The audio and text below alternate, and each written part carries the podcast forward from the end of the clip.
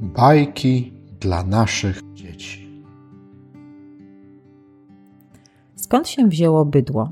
Legenda masajska. Dawno, dawno temu Masajowie nie mieli bydła. Ba, nawet nie wiedzieli, że ono istnieje. Żyli więc sobie nieświadomi tego, co było ich przeznaczeniem.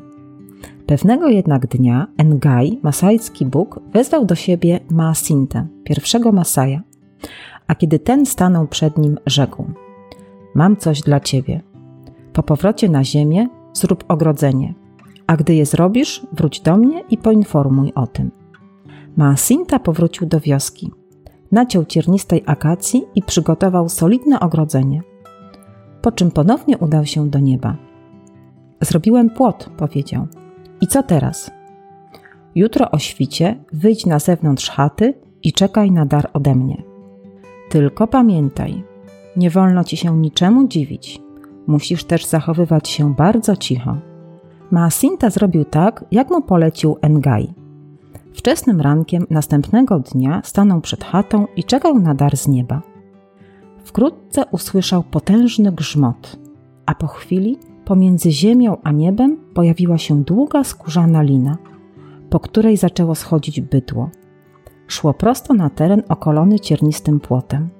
Wszystko się wokół trzęsło, niewiele brakowało, a chata by się przewróciła. Mężczyzna ogarnął strach, ale stał nieruchomo i nie wydawał z siebie żadnego dźwięku. W tym samym czasie Dorobo, współlokator Maasinty, obudził się ze snu. Wyszedł na zewnątrz chaty i zobaczył schodzące z nieba bydło. Ojej, a cóż to jest? zawołał głośno zaskoczony.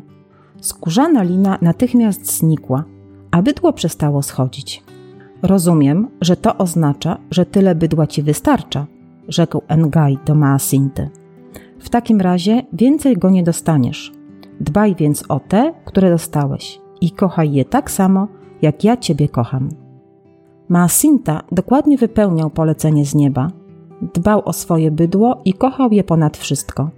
I tak jest do dziś. Bydło dla Masajów jest najważniejsze. A co stało się z Dorobo? Maasinta bardzo się zdenerwował, że jego współlokator swoim krzykiem przerwał boską linę, przez co nie otrzymał więcej bydła.